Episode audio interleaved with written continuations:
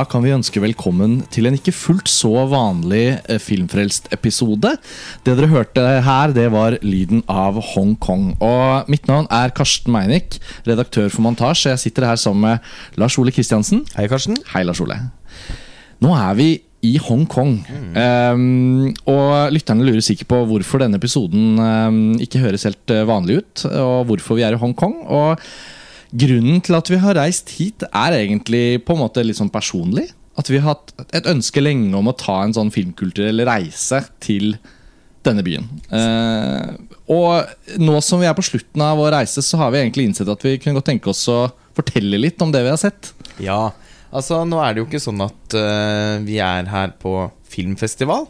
Det er jo vår De Når vi lager sånne reisebrev, så er det jo som oftest eh, i forbindelse med filmfestival. Filmfestivalen i Hongkong, som vel er eh, en av Asias største, om ikke den største, utspiller seg i Er det mars? Månedsskiftet mars-april, tror jeg. Det er vel skifter vel litt fra Så det var klart, vi, vi vurderte jo også eh, å benytte det som en anledning til å dra hit, men så passet ikke like bra av diverse årsaker, forpliktelser osv. Så, videre.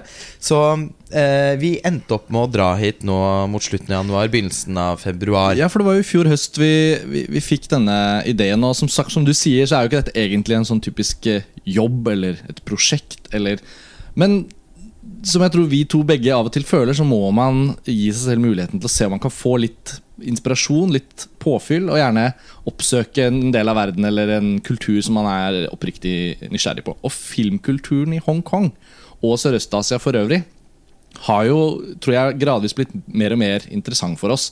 Eh, og det er flere grunner til at vi kanskje har uh, akkurat nå uh, fått Hongkong litt sånn opp eh, på vannoverflaten. Men, men, da bestemte vi oss, og så var det dette lille tidsvinduet da, mellom filmfestivalen i Tromsø og Berlin, hvor ingen av oss hadde noen spesifikke eh, prosjekter. Så da har vi grepet muligheten. Rett og slett. Og eh, som lytterne våre, eller de fleste av lytterne våre nok har fått med seg, så har vi jo da i en ev halv evighet eh, arbeidet med en omfattende kåring av 1980-tallets beste filmer. Og eh, i løpet av den prosessen der, som, som snart eh, er, er, er over Det kan du si. eh, Selv om den hele tiden utvider seg. Da. Altså, Den har utvidet seg mens vi har vært her, for å si det sånn. ja, Nye filmer som skal ses. Nettopp, Um, og det blir på en måte Men, men, men det er jo ikke til å komme bort fra at uh, det har vært mange spennende filmer vi har sett på nytt. Uh, og oppdaget eh, og, og sett for første gang i forbindelse med den kåringen som er fra Hongkong. Mm. Uh, og, og, og det er klart at man har jo blitt påminnet om uh, hvor liksom altså, altså Hongkong som filmby, hvor uh, uttrykksfull den er. Det er jo ikke uten grunn at så mange amerikanske filmskapere også har brukt Hongkong, eh, og særlig Hongkong sin skyline, Mm. som eh, Enten som eh, ak altså aktivt i, i, i filmene sine, sånn som Michael Mann eh, i Black Hat. Mm. En, for øvrig da en film som vi er svært begeistret for, og Mm. som mange har et litt sånn blandet eh, forhold til. Jeg tror aldri vi har fått så mange reaksjoner på en Sånne spørsmålstegn.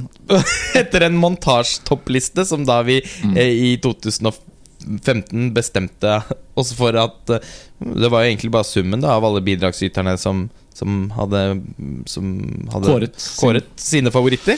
Eh, men den ble jo da nummer tre på listen vår over alle filmene i 2015. Morsomt.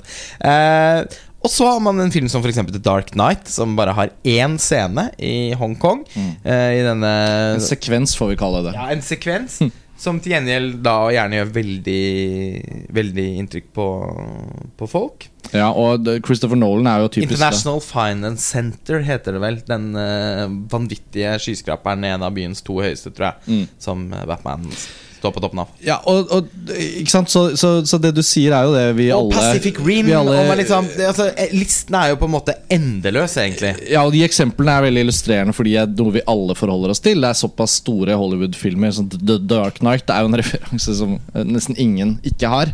Um, men det er jo ikke til å komme bort fra at det selvfølgelig her også er snakk om et Hongkong som er en egen filmkultur. Altså Hongkong er jo da denne byen eh, i Kina, for så vidt, men styrt av britene inntil bare for 20 år siden. eller noe. Og i Hongkong så som på en måte er jo et lite land, men også ikke sitt eget land. Og eh, en utrolig by. Og den har altså, som de som kjenner den biten av filmhistorien godt, eh, vet, veldig spesifikk filmhistorie selv. Og eh, den kombinasjonen mellom et, et Hongkong vi kjenner fra, fra, Hollywoods bruk av det som kulisse, som backdrop for sekvenser, eh, versus mer personlig Hongkong-cinema, da, for å si det sånn. Mm. Særlig da Wong Kar-Wais eh, filmer. Eh, og da kanskje spesifikt uh, Fallen Angels, Chunking Express og In The Mood for Love. Mm. Uh, og i tillegg så har vi jo da Jackie Chan, John Woo, altså actionfilmen fra Hongkong oh, ja. på særlig 80-tallet. Sånn at det er et spenn her som, som har vært veldig eh, innflytelsesrik for ja. mange Hollywood-regissører. Ja. og, og når man da endelig er her, ja så er jo da den miksturen av disse forskjellige avbildningene av Hongkong i filmkulturen vi kjenner, eh, en veldig morsom løype, da, en guidebok nærmest, til ja. å bevege seg rundt i byen. Og det har jo vi egentlig gjort. Ja, det er jo på en måte det vi har gjort aller mest. Altså, vi har jo også oppsøkt noen eh, Altså, vi har vært Institusjoner. Institusjoner, mm. Vi har vært på Hongkong Film Archive, vi har vært på Broadway Cinemateket. Uh, og i diverse butikker som uh, selger fysisk format. Vi er jo uh, som, som, kjent uh, fortsatt ivrige kjøpere av DVD-er og Blu-rays. For på tross av nettbutikkenes evinnelige uendelige utvalg mm. og postkassen hjemme, som ofte fremstår som den fremste filmbutikken, når de dumper inn de forskjellige bestillingene av obskur og interessant film fra rundt om i verden. Ja, og dette er jo det siste året vi har muligheten til å Ja, uff Fordi tollgrensen skal jo senkes til null fra med 2020. Men likevel så viste det seg jo nå denne uken at vår jakt på en liten liste, spesifikk liste av vanskelig tilgjengelige Hongkong-filmer, og for så vidt også asiatisk film, eh, har vært produktiv.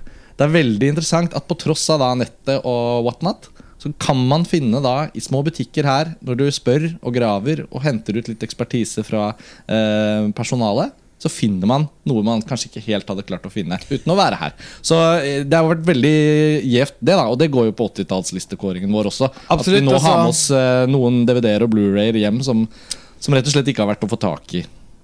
Som bidrar til å ytterligere forsinke eh, kåringen. Men eh, den ferdigstilte eh, Den er jo nesten kåringen. klar, så dette er jo litt sånn Dette er men, jo Mu har fått så mange altså, det, det, Sukker på pannekaka, holdt jeg på å si. På en måte, men samtidig så opplever jeg jo hele tiden at eh, Altså eh, i under filmfestivalen i Tromsø så tilbrakte vi jo veldig mye tid sammen med Gaspar Noé. Uh, og det var jo veldig gøy, og vi hadde innmari sammenfallende filmsmak. Så det var jo vanskelig å ikke ta de anbefalingene han kom med, på aller blodigste alvor. Og han ble ganske engasjert av utkastet til 80-tallslisten og hadde mange innspill. Og jeg følte jo at vi var nødt til å på en måte umiddelbart gå på sånn dark web-versjon av eBay for å få tak i et par av de eh, aller drøyeste og uh, ukjente titlene han foreslo. Men, men virkelig fra Altså er, man kan spøke litt med et par av anbefalingene hans også, tror jeg. Men det var, det var virkelig liksom ting eh, han, filmer han snakket om som med, altså med en glød eh, som gjorde at vi rett og slett bare er helt nødt til å se disse for de aller fleste tror jeg svært ukjente filmene. Og det var jo også sånn altså, det, var, det var ikke gjennom Gaspar Noé, men eh, An Hui mm. og filmen 'Båtfolket', eller 'The Boat People', eh, som altså er en av de beste filmene som er laget om barn og krig noensinne, eh, og som knuste hjertene våre da vi så den i, mm. for første gang i mm. høst. Uh, og som ja, kan jo bare røpe egentlig at den er på, den er på listen. Vi har si sånn. faktisk sånn. sagt det på en, uh, på en offentlig tilstelning på Filmfla Sør. Vi har det Så det er for så vidt ikke Men, men Anhui er jo da sant, et navn som For å si det sånn, da jeg jobbet i videobutikk ved årtusenskiftet, mm. så ble det snakket mye om Wong Kar-wai og mye om John Woo og mye om Jackie Chan var ikke mange Anhui-referanser jeg støtte på tidlig i uh, cineastlivet mitt. Altså, det, er så sånn type, det er så fantastisk å oppleve at man kan finne nye ting. Ja, men Det er litt en sånn oppdagelse man, Hvis man ikke bare får den overlevert av en person som sier Men har dere sett filmene til Anhui? Så uh, Eventuelt også bare da gjennom en artikkel som man uh, kommer over. Så, så hadde vi jo aldri fått for oss at det var så viktig å få sett den filmen. Det viste seg jo å være Altså, den Den, den levde jo mildt sagt opp uh, til, uh, til sitt rykte. Ja. Og var en veldig anerkjent, internasjonalt anerkjent og på en måte berømt film Mm. da den ble utgitt, men har på en måte bare blitt eh, helt glemt. Og det er jo litt underlig å tenke på at Altså, og man sitter igjen med inntrykket av Anne Hui nesten som en filmskaper da, som på en måte mer eller mindre forsvant, selv om man ser at hun har vært aktiv og fortsatt å lage filmer. Mm. Men når man kommer ned hit og, og, og, og drar på videobutikken, mm. så uh, er det jo så, Til vår store glede så ser vi at Anui er jo kjempestor her. Mm. Og, Da vi var på Disk Pluss, en, eh, en velrenommert videoforretning uh, på kjøpesenteret Hva het det kjøpesenteret? Ja, Nede ved havna, i hvert fall. Um, like ved Star Ferry. ja, og så begynner vi å bla, og vi ser jo utvalget ganske sånn kostbart med fysisk format her. Hollywood-filmer og sånn, veldig dyrt i forhold til hjemme. Og så spør vi, da. Vi har noen regissører her som vi lurte på om dere har noen filmer av. Og vi sier vel An Hui fortsatt. Og Han sa vel noe sånn An Hoi. Han sa Anhoi. Eh, han var eh, moder begrenset engelsk, men veldig entusiastisk. Og da får man jo litt sånn flashbacks til en filmformidlingskultur som er gått tapt. da Mm. Møte mellom kunde og kunnskapsrik kundebetjening. Han syntes det var ganske morsomt Ja. at vi kom og, han var så opptatt av så mye Anne Hui-film. Og vi har jo da til gode å se eh, da både ting hun har laget nylig, og noen av de eldre filmene hennes. Eh, som, som, hun har jo laget veldig mye, da så det er jo ikke snakk om å på en måte nødvendigvis starte med en sånn kjempelang liste, men se noen nøkkelverk. Ja, og vi det- fikk, Hos han så kjøpte vi jo to av de siste filmene hun Ja, har hun- eh, laget. Hun, det både The Golden Era Mm. og A Simple Life. Og hun har jo, som vi har sett med, med andre, da til og med Wong Kar-wai, men også kinesiske filmskapere som Zhang Yimou og øh, Det er jo litt sånn at mange av dem nå lager store historiske, episke, biografiske litteraturadaptasjoner. Og det ja. kan Vi får se, men det kan virke som om um, hennes litt mer sånn uh, tekstur-indie-stemme i de første filmene, som det er med så mange filmskapere, kan være erstattet av et høyere budsjettert, også fordi hun sikkert har større tillit og en sterkere posisjon. Hun er jo 72, tror jeg, og gammel. på Hongkong Hong Kong Film Archive, da, som var et annen destinasjon eh, enn Disk Disc Plus, så, så viste det seg jo også at da stiftelsen her har eh, jobbet da nylig med en restaurering av Anne Huis debutfilm, Altså, det var The Secret. utrolig morsomt. Og så ligger den der i monter Ja, på Blu-ray. De solgte én Blu-ray der, og det var da en sånn eh, åpenbart omhyggelig restaurert og innmari vakkert innpakket Mm. utgave av Ann uh, Hui sin debutfilm. Så kunne jo Fra 1979. Ja, så det, jeg må innrømme at sånn umiddelbart så har jeg nok er nok det den jeg ser mest fram til å eh, se. Altså, Ja, jeg, og den blir jo helt sikkert veldig relevant. Den er mer spennende enn de eh, nyere filmene. Og alt tilsier at den også vil være relevant for forståelsen av, uh, av hvordan båtfolket ble den filmen den Ja, har blitt. åpenbart. Og den vet vi at vi skal diskutere på 80-tallslistepodkasten. Så den, det, vi kommer jo tilbake til dette. Og da kan vi jo da eh, sikkert peke på flere av andre trekk ved Anne-Vis filmer. For da, mellom denne podkasten og den, Så så, da skal jo vi se.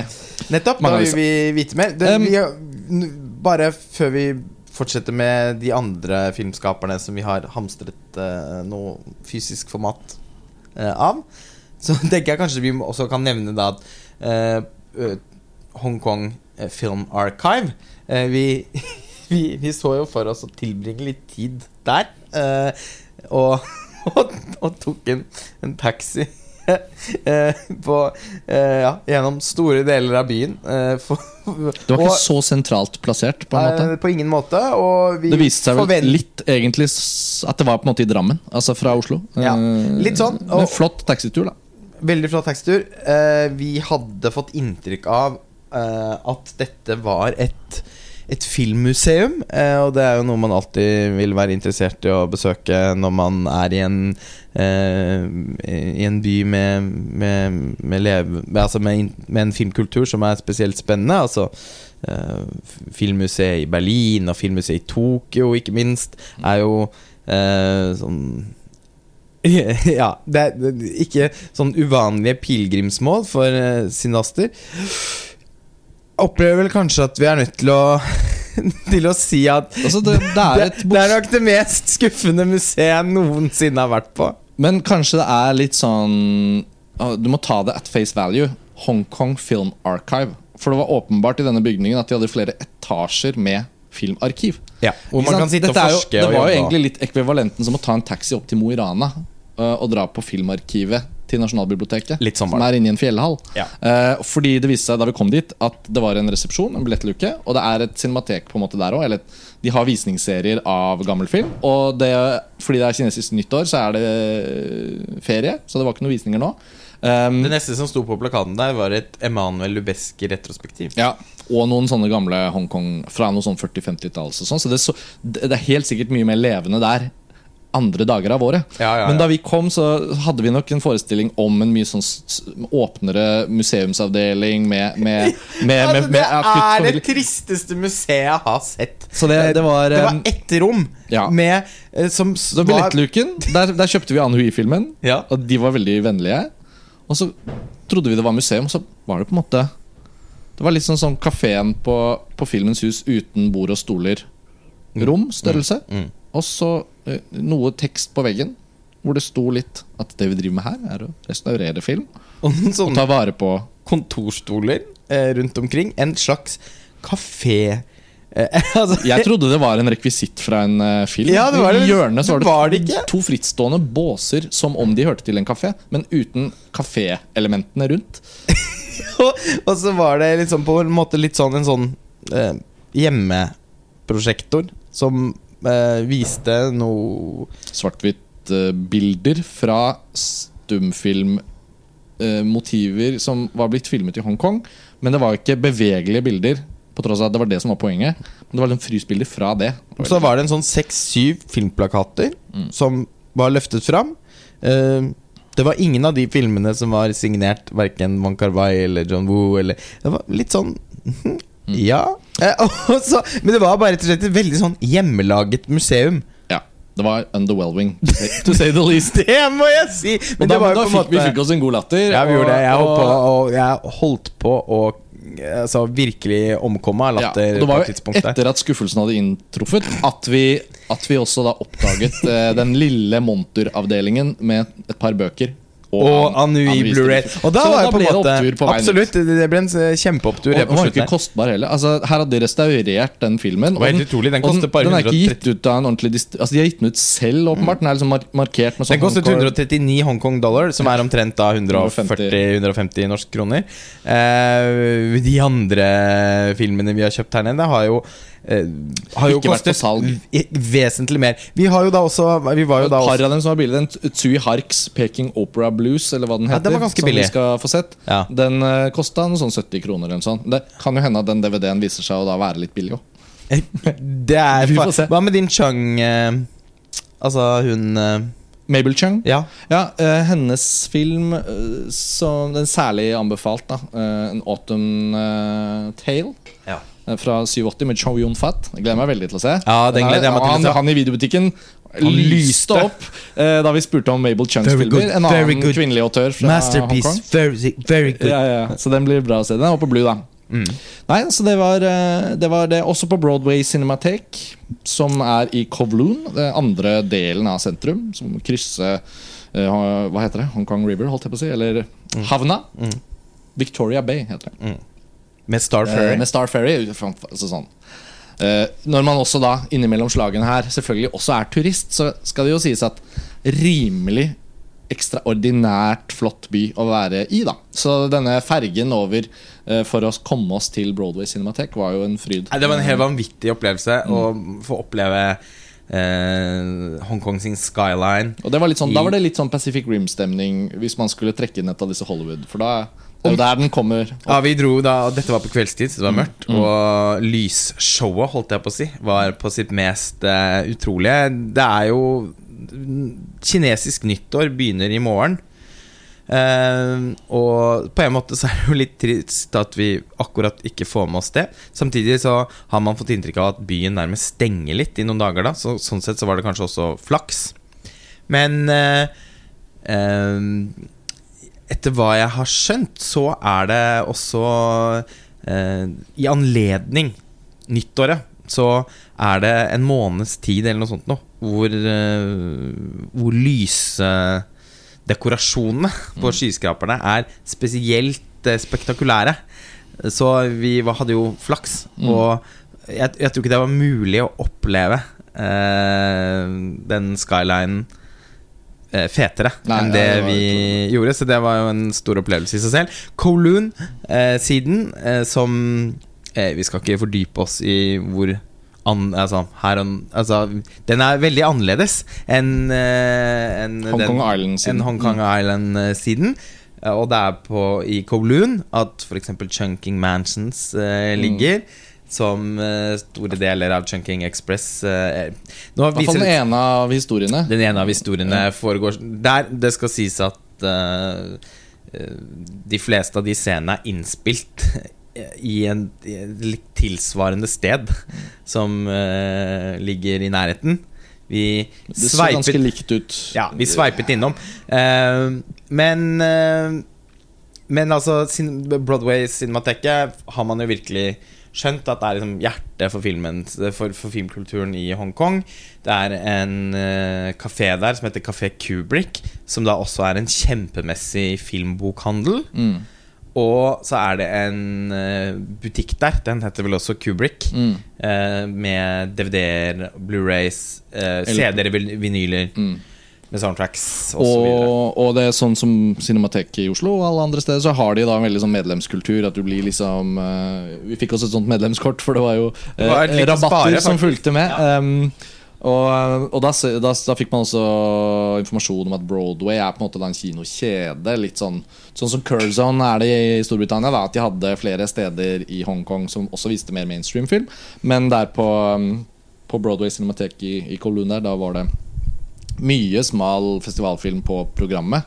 Og også dette fantastiske butikkomplekset, da, på en måte. Pluss at hvis du var medlem der, så var det også et, film, et utlånsbibliotek. Hvor du kunne låne eh, DVD-er og Blu-rayer eh, uten kostnad. Eh, Ja, så det er bare sånn her ja, Altså Vi har jo selvfølgelig På bibliotekene i Norge Så har man jo på en måte da det samme konseptet. Ja da, det er mange. Halden bibliotek og Deichman, Hoved-Deichman Det er mange steder i Norge hvor film har blitt satset på, og man har faktisk mange titler til utlån. Og så andre biblioteker som henger litt etter. Men det å samle og ikke på en måte ha det inne på et bibliotek med alt annet, men å ha en sånn en destinasjon hvor det virkelig dyrkes. Og Du kan kjøpe sjeldne filmplakater Og du kan finne soundtracks på vinyl, og alt er samlet på ett sted. Det var fantastisk utvalg med. Og filmplakater. hvis, der jo- dere kan sjekke ut Instagrammen eh, til montasje hvis dere har lyst til å se noen sånne mm, Vi har fått preparert noen små dokumentasjoner av disse ja, skal, stedene. vi, vi skal Så, oppdatere Sakte, men sikkert så kommer det ut eh, litt mer der. Ja, og Men vi, det var jo da særlig eh, to funn som eh, vi er nødt til å løfte fram. Av, av eh, det, det innhøstede fysiske formatet. mm, Ja. Nei, altså, det Vi må jo snakke bitte litt om Taiwan, eh, bare kort. For eh, ved siden av Hongkong så var jo Var det jo vel ingen tvil da vi startet 80-tallslistearbeidet, at vi visste at New Taiwanese Cinema, representert særlig av filmene til Edward Young og Hu Xiaoxian, kom til å være en veldig sentral del av Og altså fortsette å forske i. da Vi hadde jo sett noen av de fra før av, men mm. det er jo også titler som gjensto å se. Sørgelig nok så har da to kanskje av de nøkkelverkene til Edward Young som litt sånn fikk den bevegelsen i gang, da, sammen med Ho, um, har vært notorisk utilgjengelige i den vestlige verden, uh, på en måte, eh, for, å si, for å si det sånn. Fordi em, jeg ble klar over uh, en gang i fjor at uh, hans debutfilm 'That Day On The Beach' uh, eksisterte i, på Taiwan, liksom. På Blue, eller på DVD. Eller det var noe de hadde gjort. Jeg så liksom noen spor av det. Men jeg opplevde ikke at jeg hadde noe suksess på eBay. Og den, hvis jeg så den noe sted, så var den dyr. Det viste seg at den var her i Hongkong òg. Men, Ja. men tollgrense etc., etc. Mm. så det å komme da inn på kafé, eller videobutikken der på Kubrick kafé og se at ikke bare hadde de Edward Yangs uh, That Day On The Beach på Blu-ray som også er fotograf Christopher Doyles aller første spillefilm Ja, tenk på det. Alle En, som har blitt en så innflytelsesrik stilskaper, ikke minst i sin arbeid med Wong Kar-wai. Ja. Og så hadde de i tillegg Edward Yangs andre vanskelig tilgjengelige film, 'Terrorizers', også fra 80-tallet. Så det var jo en, en glede. Kostbar glede.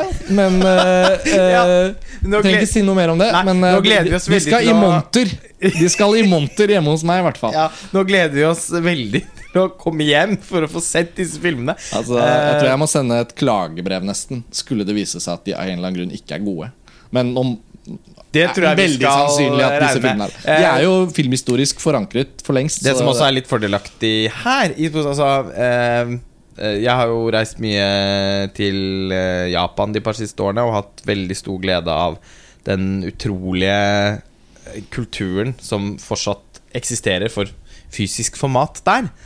Eh, men der er det jo dessverre litt som i Frankrike, at veldig mange av utgivelsene ikke har engelsk tekst. Men her er jo alt tekstet på engelsk. Ja, det er fantastisk. Så det gjør jo altså, sånn, Det er jo mildt sagt eh, eh, For altså, det, har, det har ikke vært én utgivelse som vi har trukket, løftet ut av, trukket ut av hyllen og hatt lyst på, Mm. som ikke har vært tekstet på engelsk. Det har dog vært en del utgivelser vi har trukket ut av hyllen hvor ingenting på omslaget står med uh, øh, vårt alfa, våre bokstaver. Nei, nei, altså, Eh, Man er nødt til å spørre de Eh, ansatte så, i butikken. Ja, så da blir det jo eh, mye dialog med de ansatte, som igjen har vist at de er kunnskapsrike, interessante, eh, bra folk. Det minner jo da selvfølgelig om andre filminteresserte vi kjenner hjemmefra. Ja. Det, jo, men det er jo da bare for å romantisere litt, da. Mm. Når man er på reise og føler liksom at man eh, besøker en ganske fremmed kultur, og så Mm. innser man at mye er egentlig veldig lett identifiserbart. Og når man kommer i prat om en film man begge liker, så trenger man liksom ikke så mye språk. Nei. Eh, så det har vært veldig fint. Ja, det har vært kjempegøy å på en måte bare tilbringe litt tid sånn. eh, Ja, å henge i den der Kubrick-kafeen og uh, se unge Hongkong-entusiaster, Mm. eller cineaster, Mm. uh, diskutere uh, med liksom, filmmagasiner vi Mm. dessverre ikke kan lese. Eh, oppslått eh, på bordet foran seg og sånn. Ja. Så, men eh, ellers så har vi jo, som vi antydet i stad, egentlig brukt veldig mye tid på å bare gå rundt. eh, og oppsøke noen spesifikke locations. Eh, da har det jo i særlig stor grad vært Von Kar-Wai sine filmer. Og som- kanskje i særlig stor grad faktisk Chunking Express. Ja. For Vi snakket litt om Fallen Angels. Og det er jo motiver der som man husker. Men det er mye sånn alle disse filmene så er det jo også de interiørbitene. Interiørt uh, Ja. her og der. Det må jo sies at eh, sto, altså, Wonka Kar-Wai sine filmer utspiller seg jo ofte mye innendørs. Mm. Så uh, Chunking Express er jo på en måte litt et unntak der. Ja, og uh, ikke minst og fordi fall, til dels Fallen Angel. Ja, og så er det jo Fallen Da vi tok, tok, taxi på et tidspunkt fra Hong Kong Island til Kowloon, så kjørte vi jo også gjennom den tunnelen som da åpenbart Men ikke sant den tunnelsekvensen i Fallen Angels som er veldig flott, og som er på liksom omslag og sånn, er jo klart en tunnel er jo en tunnel, så det er jo ikke sånn at den Hongkong-tunnelen Nei, Øynene dine fotograferer den jo ikke sånn Nei. som Christopher Dorley gjør. nettopp, nettopp. Så det blir Men- ikke helt det samme, men ja. Men Chunking Express, Mm. en film sikkert ganske mange av lytterne våre har sett. Men Og som vi kåret til en av 90-tallets ti beste filmer. Ja, sammen med Fallen Angels, og som da Dere som ikke har sett Chunking Express, eh, dere kan jo ta dette som en filmanbefaling. For det er jo en helt fantastisk bra film, og den preges i større grad da enn disse to andre vi har nevnt, veldig av oppfinnsom bruk av locations. Da. Og det er da her på Hong Kong Island, i den sentrale delen av byen, eh, Central, liksom midt mellom to bydeler, kanskje, mm, fordi den går oppover, eh, er det altså montert en rulletrapp fordi det er ganske sånn bratte stigninger eh, her. Så det er jo sånn flott sånn elevasjon og geografi som også former byen når man går rundt. I tillegg til at det er veldig høye skyskrapere overalt. Liksom alle mulige boligblokker er liksom 40-50 etasjer, Ja, istedenfor altså, å være sånn åtte etasjer. Har aldri sett maken. Nå er jo ikke det Det burde ikke være noen overraskelse, ettersom Hongkong er den byen i verden med flest high rises. Mm. Flere enn New York. Mm. Eh, vesentlig flere år, skjønner man, når Mm, man mm. kommer hit. Eh, men eh, det er, det er jo også Altså, det er jo bare helt eh, Jeg har ikke ord for hvor eh, overveldende det har vært å se oppover. mm. Ja, I, altså, du, man, klarer jo nesten, man klarer jo nesten ikke å se framover. eh, første reisetips til Hongkong. Eh, pass på å se oppover og gå mye rundt. Ja, men altså, det er helt Vi er jo begge veldig begeistret for skyskrapere og Mm. skyskraperarkitektur. Og eh, flere av de mest ikoniske bygningene nettopp fra Hongkong-skalaen på, eh, på film er jo, er jo innmari kule å få sett. Altså ja. Bank of China Tower, for eksempel. Eh, Men uh, denne rulletrappen da, spesifikt, Ja. hvis man har sett Chunking Express, Mm. så vet man hvilken vi snakker om. Og den heter vel altså Det står Mid Levels Escalator på den. Jeg vet ikke om det er navnet, men eh, den er i hvert fall opp da bakkene. Og så litt rullegulv, og så rulletrapp, og så går du bortover en sånn Og dette er jo en sånn opphevet på en måte gangbro i landskapet. Um, bare, bare veldig kul, og veldig praktisk, da. For da slipper man å tråkke opp til den, til den restauranten. Um, Ja, for det er jo så bra Altså, de bakkene her er jo eh, Altså forbløffende bratte. ja. Da vi kjørte, endte med å av at det var så vanvittig kø for å ta den tradisjonsrike trikken opp til Victoria Peak. Et av verdens mest berømte utkikkspunkter. Hongkongs Tryvannstårnet. Ja, det var helt fantastisk eh, å stå der og se utover byen eh, og landskapene rundt. Men det var sånn virkelig sånn Flåklypa Grand Prix-aktig taxitur opp. Altså Det var så bratt at det var helt sånn Og så tok vi jo den trikken ned. Og det føltes jo ut som å ta en sånn En berg-og-dal-bane som har hengt seg. Mm. På en måte Hvor det liksom Å, men så sakte skal det vel ikke gå. Det, altså, jo, men, men det var jo så bratt at det var helt sånn Hvis det er en eller annen vaier som ryker her, ja, da er vi ferdig. Og akkurat den turen var jo en påminnelse om at det ikke er så rart at Hongkong har inspirert actionfilmregissører. Nei. Fordi den har så mange sånne eh, geografiske og arkitektoniske ideer og løsninger og sånn og sånn. Og, da, eh, og det er jo nesten utrolig at da ingen Hongkong-filmskapere ordentlig brukte for den rulletrappgreia da før eh, Wong Kar-wai og hans fotograf Christopher Doyle gjorde det så uttrykksfullt i Chunking Express. Og på Chunking Express Blu-rayen min, som jeg, altså er den britiske utgivelsen, der er det et bakom, eh, en bakomdokumentar hvor eh, filmet da en del år etterpå, hvor Christopher Doyle på sedvanlig rølpete vis, eh, mens han snakker da kantonesisk eh, viser hvordan de forskjellige locationene ble funnet og valgt ut. Da. Og han bodde tilfeldigvis på det tidspunktet i en leilighet som er den leiligheten hun bor i i filmen. Eh, eller hans leilighet som hun sniker seg inn i. Det visste jeg ikke. Morsomt. eh, som lå med, med sånn direkte liksom eh, eyeline inn i rulletrappekompleksgreia. Hvorpå de da kunne skape den iscenesettelsen. Uh, og så er det jo disse barene og gatene, og det blir jo på en måte litt mer sånn ikke så konkret som locations å oppsøke. da Men denne rulletrapp eh, Skulle man være i Hongkong, og har man hørt denne episoden, og av en eller annen grunn ikke har på planen å være akkurat der hvor den rulletrappen er, så burde man gjøre om planen og passe på å få med seg det. Ja, det er jo et, en, en av altså Virkelig en av hovedattraksjonene, ikke Mm. bare for cinefile, men i det hele tatt. Altså, en, eh, og et vanvittig Hele området rundt. Det ligger i. Da. det er ikke bare Shanghai- selve rulletrappen jeg mener, selvfølgelig. da Nei, Shangwan, vi har brukt. Mm. veldig Vi har bodd her og tilbrakt veldig mye tid eh, her. Central er jo et område hvor det er veldig gøy å se på bygninger, Mm. men ikke fullt så Det er litt mer sånn shopping og, og business, eh, financial Mm. district, eh, på en måte. Eh, vi gikk dog på Ja, vanlig kino der, på vi jo- AMC. ja, for det må vi også nevne da, For da skulle vi på, Da var det jo viste seg jo også Vi var i Hong Kong Park, som er en av de få grønne lungene. eh, nydelig, eh, liksom bitte liten, men veldig fin park. Plassert midt imellom masse skyskrapere. Litt sånn som Bryant Park i New York. Ja, litt sånn. Eh, og og så, pga. på grunn av at M. Night Shyamalans Glass hadde norsk kinopremiere mens vi var i Tromsø, mm. og det har gått litt sånn slag i slag siden da, så innså vi begge plutselig at hvis vi skal se den sammen, og hvis vi skal se den på kino, og, og ikke minst for å få dykket ned i Dag Søttholts pågående eh, Glass og Shyamalan-prosjekt, um, så kanskje skulle vi prøve å få sett den, fordi vi, det er en sånn kjøpesenterkino borti her, står det på kartet. Så viste det seg at denne AMC, den store amerikanske internasjonale kjeden, eh, hadde en utrolig kul og elegant kjøpesenterkino. Altså Det høres Det jo negativt de- ut, men kjøpesenteret de- er pent lagd Så det er en av de mest utsøkt designede kinoene jeg har vært på noen gang, faktisk. Ja, Det var utrolig fint. Der skal det også komme et par eh, bilder på Instagram. Og, og da var, Vi hadde litt sånn tidsnød, så var det sånn Det ja, men vi får, vi får bare dra bort. Og så, den vises jo nå om et kvarter, liksom. Vi får bare dra bort og se. Men den må jo være ferdig til da og da, for da skal vi spise det. Og, så, og man har jo vært på kino i, hjemme og i andre land hvor reklamer og trailere kan fort ta opp litt tid. går vi til luken og spør om ja, er det noen ledige billetter. Ja, det er noen få ledige billetter. Eh, full sal på M. Night Shyamalans eh, Glass en eh, ettermiddag her i Hongkong. Og eh, eh, reklame Ja, nei, det er bare fem minutter. Ja, det var fantastisk. Vi var, Og da jo, gikk det. Ja, vi var jo helt nødt til å eh, Vi hadde Altså Alt måtte klaffe her. Tidsnød. Vi hadde tidsnød fordi vi hadde en reservasjon på en restaurant eh, som vi hadde gledet oss veldig til å spise på. Eh, drevet av den australske kjendiskokken Shane Osborne. Arcane heter den.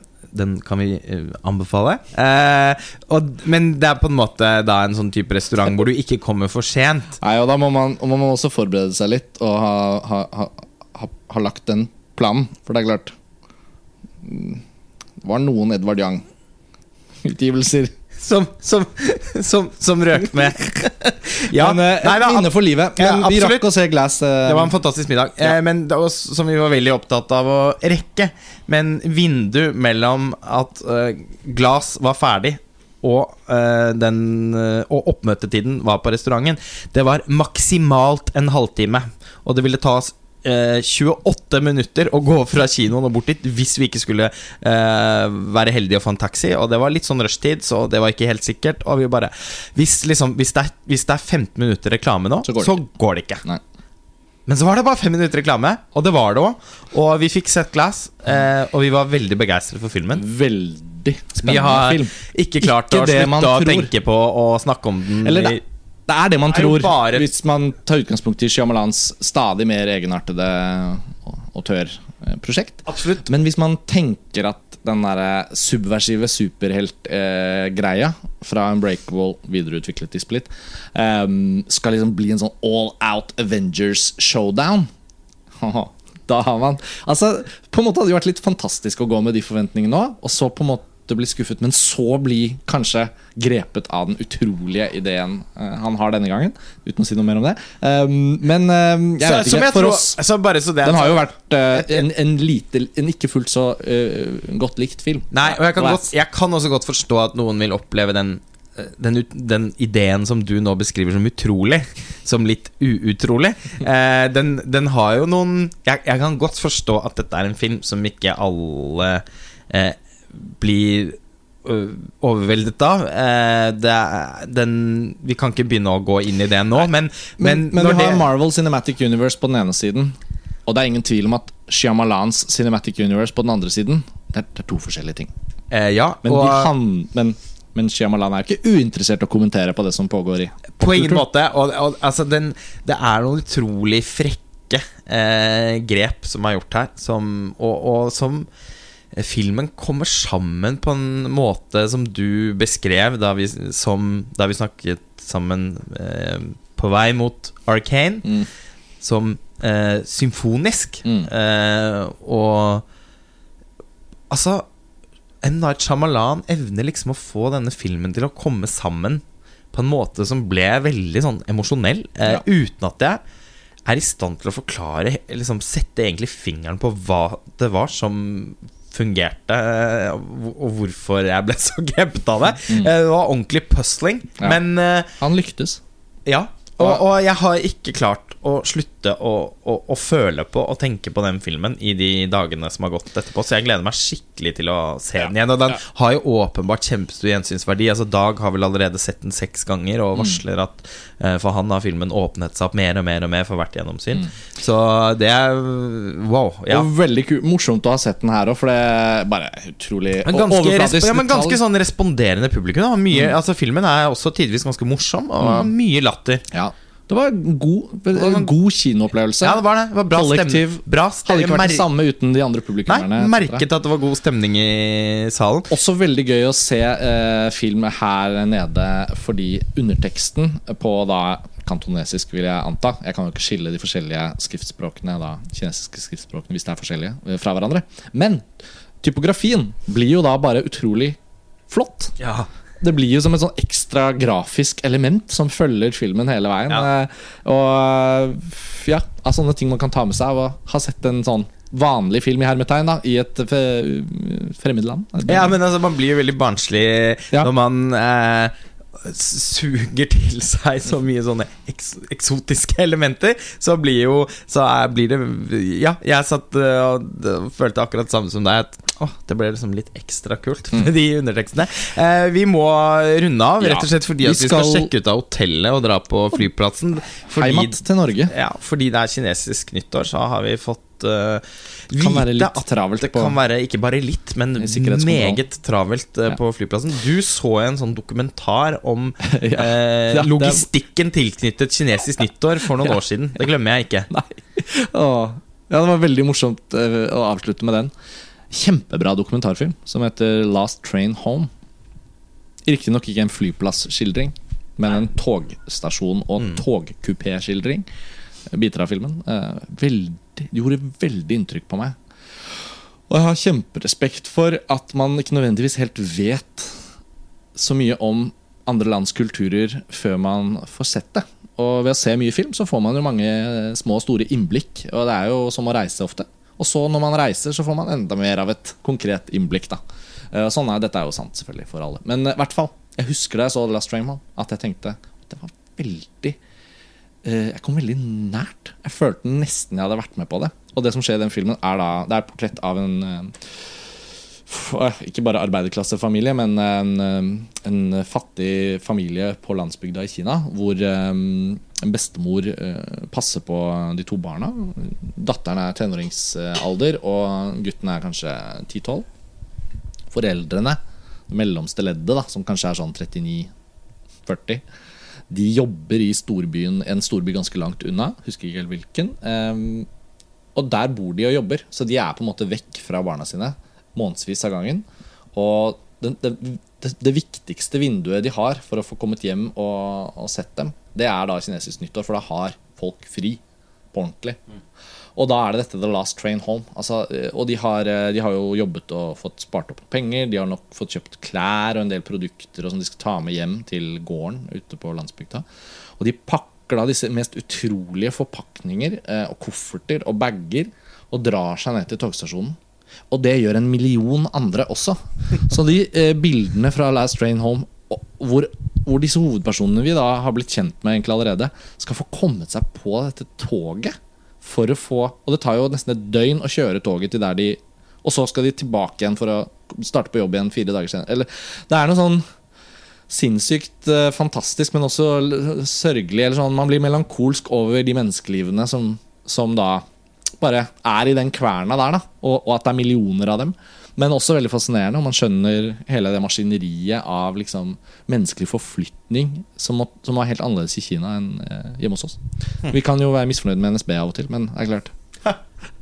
Så Last Train Home, en veldig bra dokumentar. veldig Anbefalt. Den er tilgjengelig, er distribuert i England og fins på DVD der. Er, er det sant? Ja, jeg har den på DVD. Du har den? Ja, ja, ja. Så sånn er så den. Nei, da må jeg låne den. Ja. Ok, vi får uh, dra til resepsjonen. Det, ja, det var uh, det. Et slags reisebrev denne gangen. Ja. En litt spesiell episode, men vi håper dere har hatt glede av å høre oss uh, gjenfortelle det vi har sett. Vi- Og Vi kommer straks tilbake, da Ja. fra filmfestivalen i Berlin. neste stopp Berlin. Takk for denne gang, og ha det bra. Ha det.